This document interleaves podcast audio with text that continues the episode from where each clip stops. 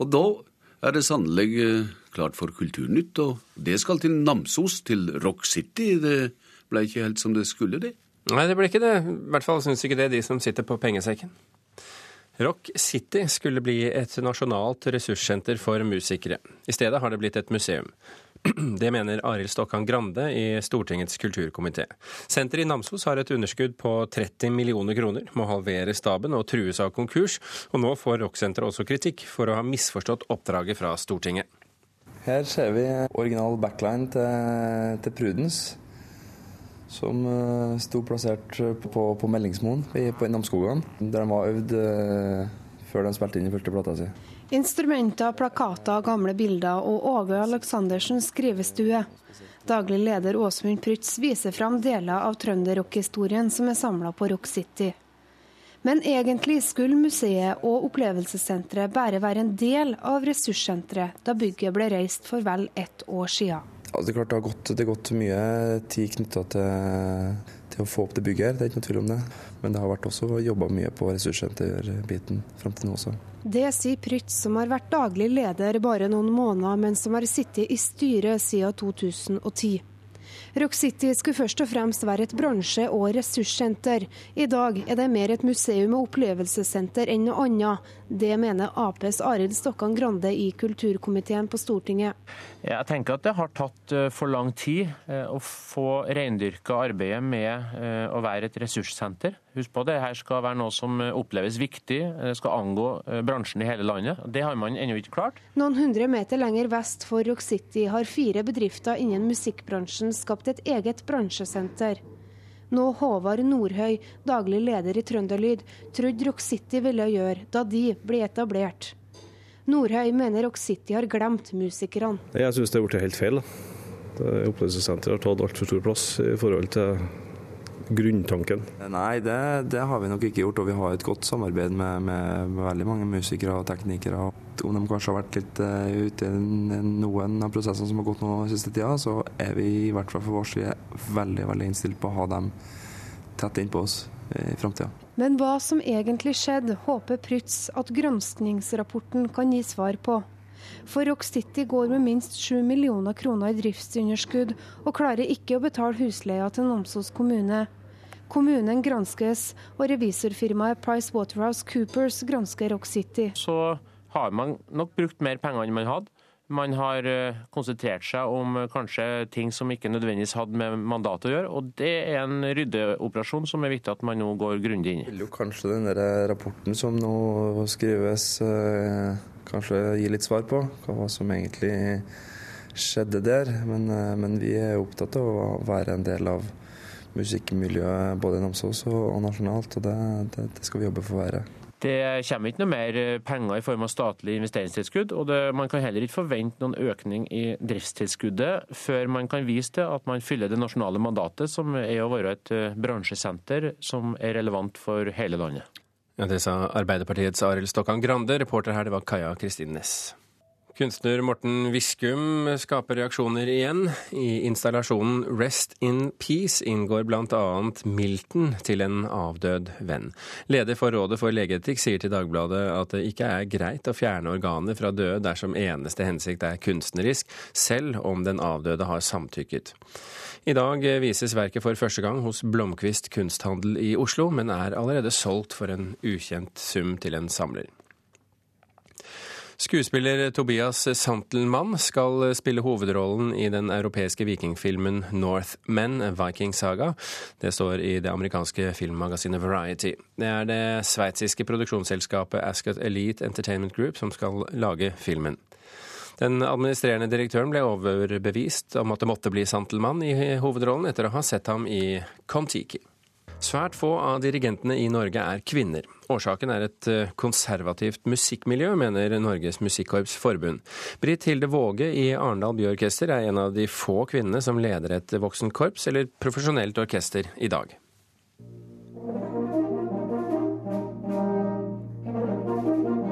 Dirigentpinnen til Britt Hilde Våge går opp og ned foran de rundt 50 personene i Arendal Byorkester.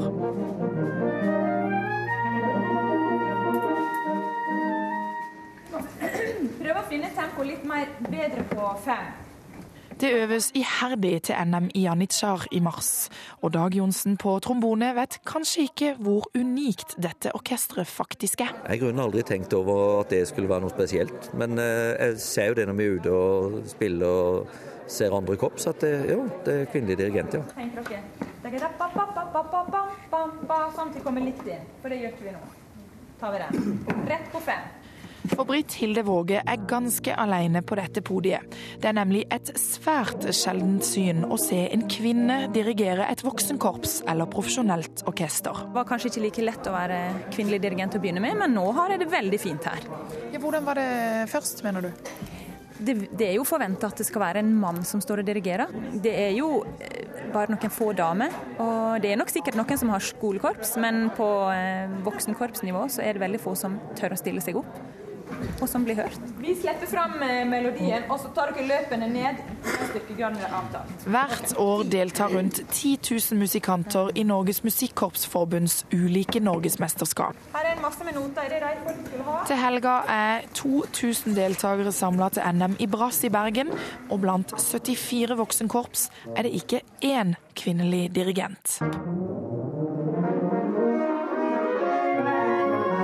107 påmeldte korps i NM Janitsjar i år, er det bare Arendal Byorkester og tolv andre korps som blir dirigert av kvinner.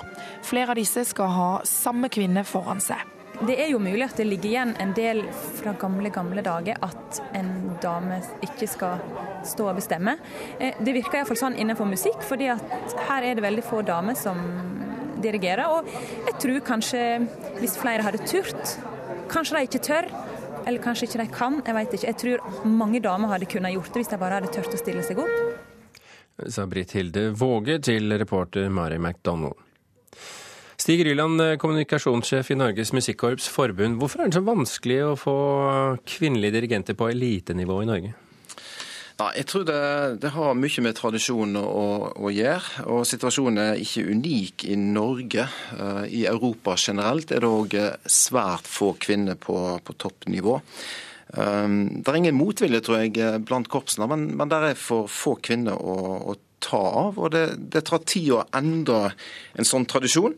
Uh, og jeg tror som Men, men har ikke vi snakket om dette her i 10-20-30 år nå?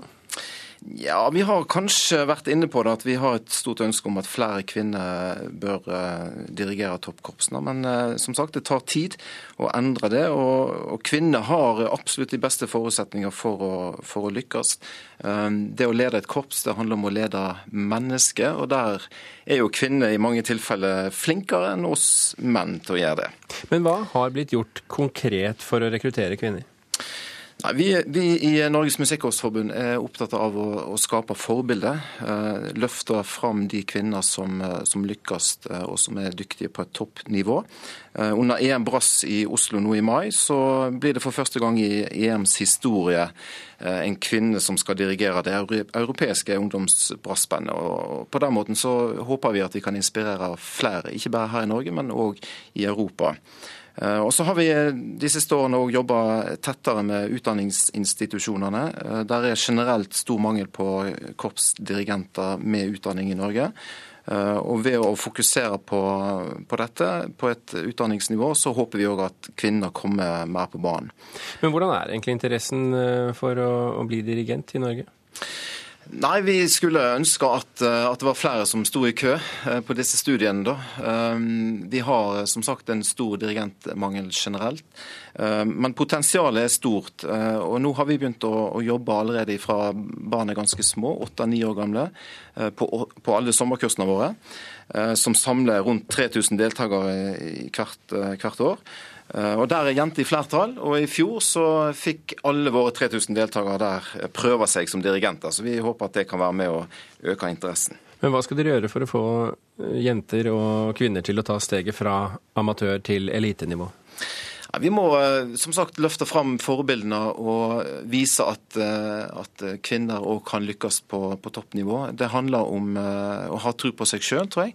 Det er ingen motvilje mot kvinnelige dirigenter, så langt vi kjenner til. Eh, men det tar tid å endre en tradisjon. Vi, vi, skal gjøre det vi kan for å stimulere og motivere eh, så godt vi kan. Vi, vi hørte en historie her med, med Britt Hilde Våge i Arendal. Hvordan er Norge sammenlignet med andre land? Nei, situasjonen i Europa er nok òg uh, ja, kanskje på mange måter verre enn i, i Norge. Uh, NM Brass som starter nå til helga i Bergen. Eh, har eh, ingen kvinnelige dirigenter. Eh, vi har hatt noen tidligere år. Men ute i Europa så er det enda sjeldnere. Så her kan Norge være med og bety en forskjell, tror jeg, hvis vi går foran. Stig Ryland fra Norges Musikkorpsforbund, takk for at du kunne være med i Kulturnytt. 接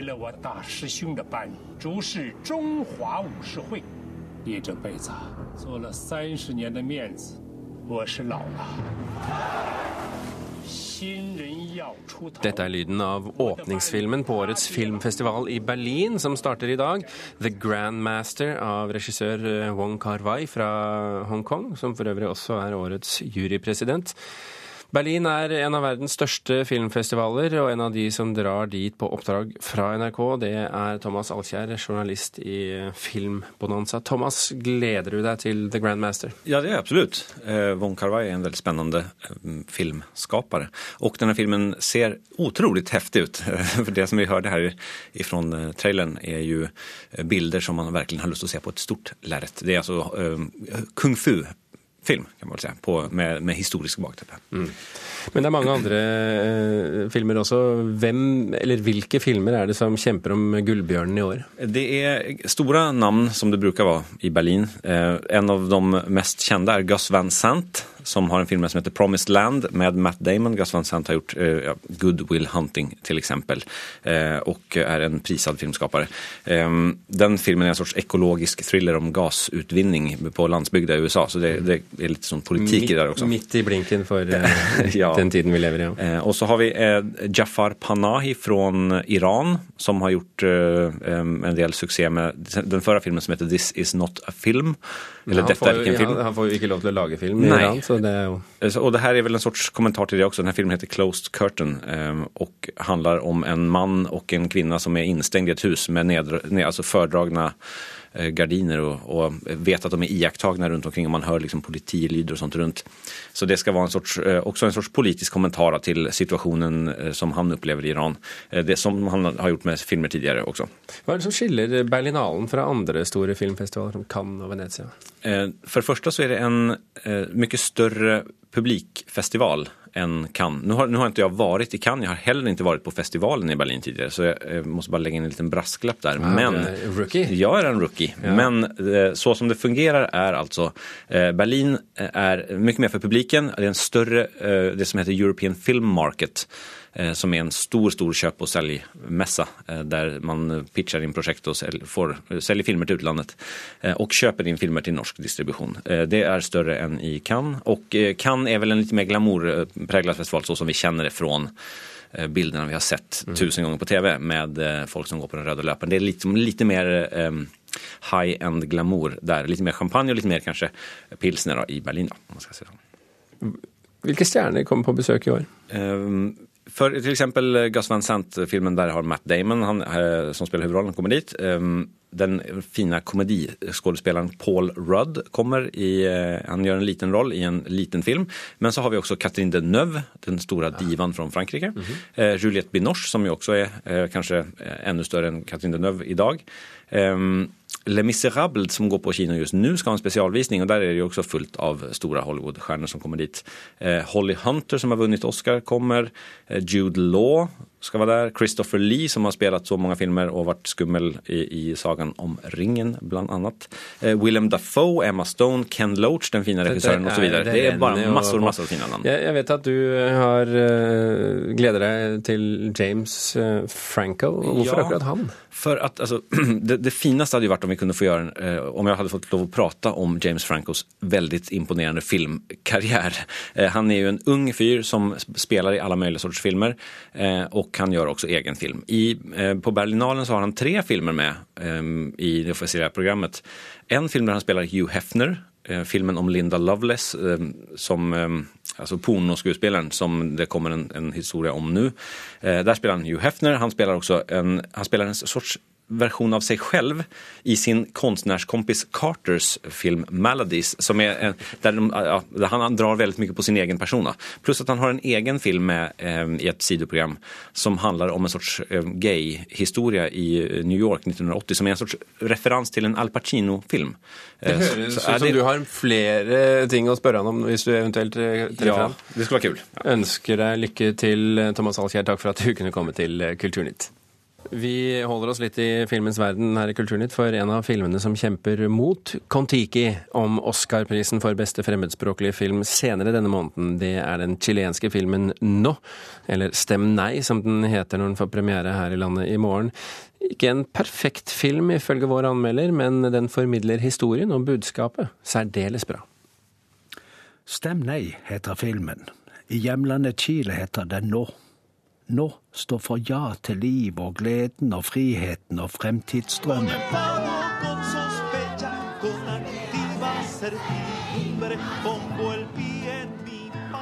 Folket har ikke sett fremtiden ennå. De fleste har nok med nåtiden og fortiden.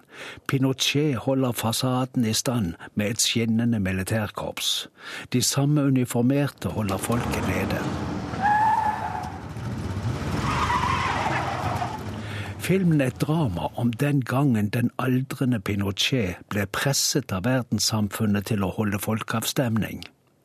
Det dramaet er intenst. Filmen går dypt og detaljert inn i prosessen som skaper endringer. Så er filmen en studie i propagandauttrykk. Jeg synes den siden ved den er like interessant. Eieren av et reklamefirma jobber for ja-bevegelsen til Pinochet og oberstene.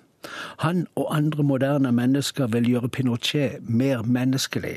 De vil vise ham frem i sivil, altså uten uniform.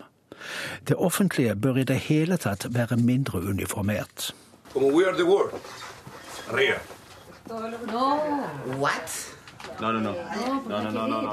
En ung og kreativ medarbeider i det samme reklamefirmaet jobber for Nei. Nei til Pinochet.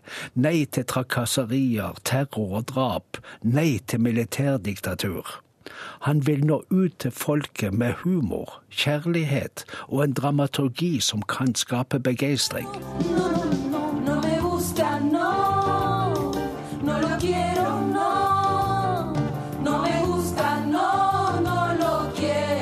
Statsfjernsynet fordeler sendetiden rettferdig mellom de to polene ett kvarter hver daglig i en drøy måned. Men Pinochets regime vokter over og fargelegger resten av dagens program også. Regimet har hatt monopol på å definere virkeligheten i flere tiår. Den dyktige mannen i reklamebyrået setter i scene en nydelig valgkamp. Hadde skuespilleren som spiller rollen vært like varm i sin jobb, ville filmen også skapt begeistring slik den er blitt, vil jeg nøye meg med å si at filmen skaper engasjement.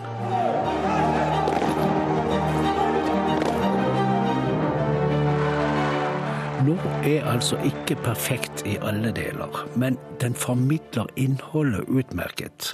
Den utvider og utdyper og skjerper kunnskapen om det som skjedde. Det gjør den spennende.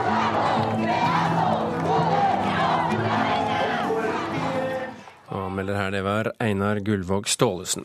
Slektsgranskning har blitt den nye farsotten i Norge, og NRK har skylda for den nye programserien Hvem tror du at du er? har fått folk til å løpe til arkivene for å finne ut mer om seg selv og sin familie. Kongsberg er ikke noe unntak. Spennende. Altså, nå jeg jo, driver jeg jo litt med dette sjøl.